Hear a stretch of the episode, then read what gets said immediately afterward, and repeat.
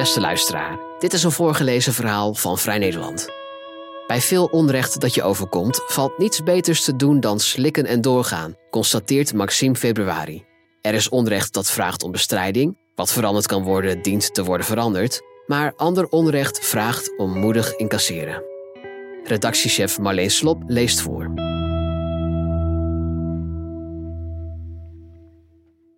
Iedereen moet accepteren dat het gaat zoals het gaat. Ik weet het, maar je ziet het zelden iemand doen.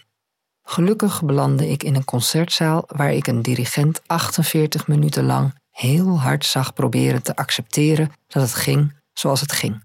Dat werkte inspirerend. Het vond plaats in het buitenland.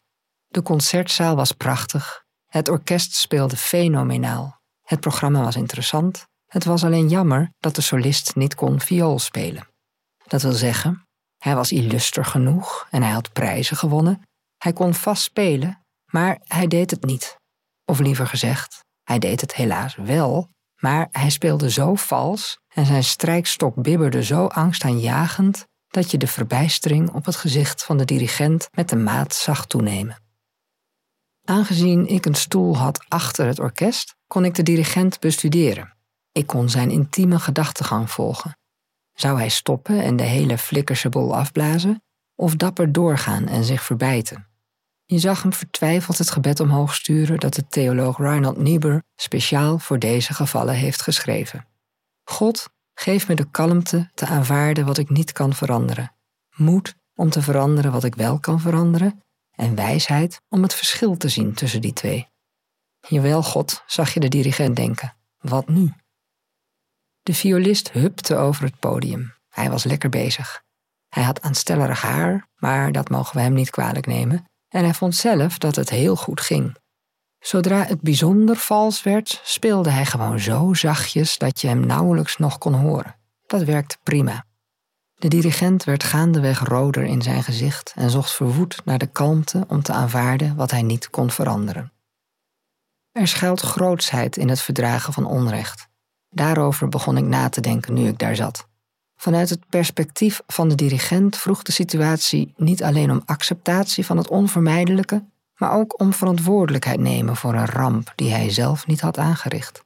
De mislukking kwam voor zijn rekening en dat was een onrechtvaardigheid die hij ter plekke moest zien te verwerken. Bij veel onrecht dat je overkomt in de wereld valt nu eenmaal niets beters te doen dan slikken en doorgaan. Je krijgt het nooit meer goed. Je kunt er twintig jaar later nog in woede over losbarsten, maar daar schiet je weinig mee op. Er is onrecht dat vraagt om bestrijding. Wat veranderd kan worden, dient te worden veranderd. Maar ander onrecht vraagt om moedig incasseren.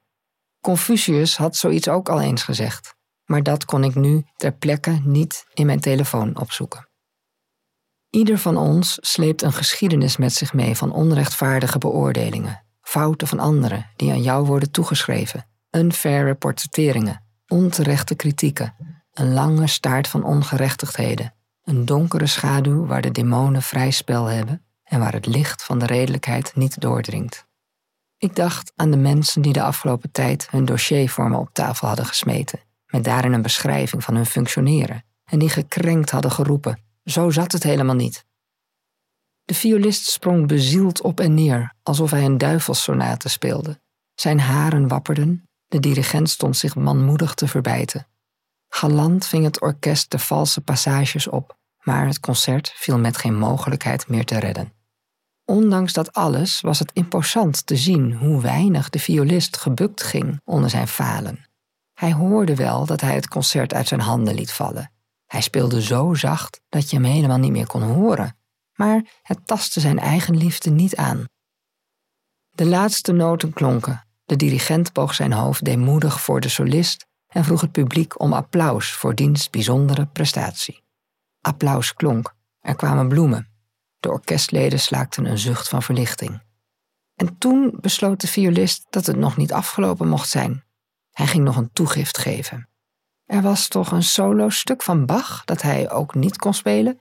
Jawel, dat ging hij doen. Hij ging Bach spelen, zonder begeleiding van dirigent en orkest. Bevend zette hij zijn stok op de snaren. Intussen stelde ik me voor hoe de dirigent in zijn kleedkamer zat.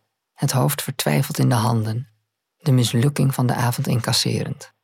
Het slagen van zijn beroepsleven hing voor een groot deel af van de prestaties en de inzet van anderen, zoals dat geldt voor het beroepsleven van ons allemaal. En er zat niets anders op dan de verantwoordelijkheid voor de valse noten van anderen op zijn schouders te nemen. En zoals hij daar zat, dapper slikkend en duldend, was hij een lichtend voorbeeld voor ons allen.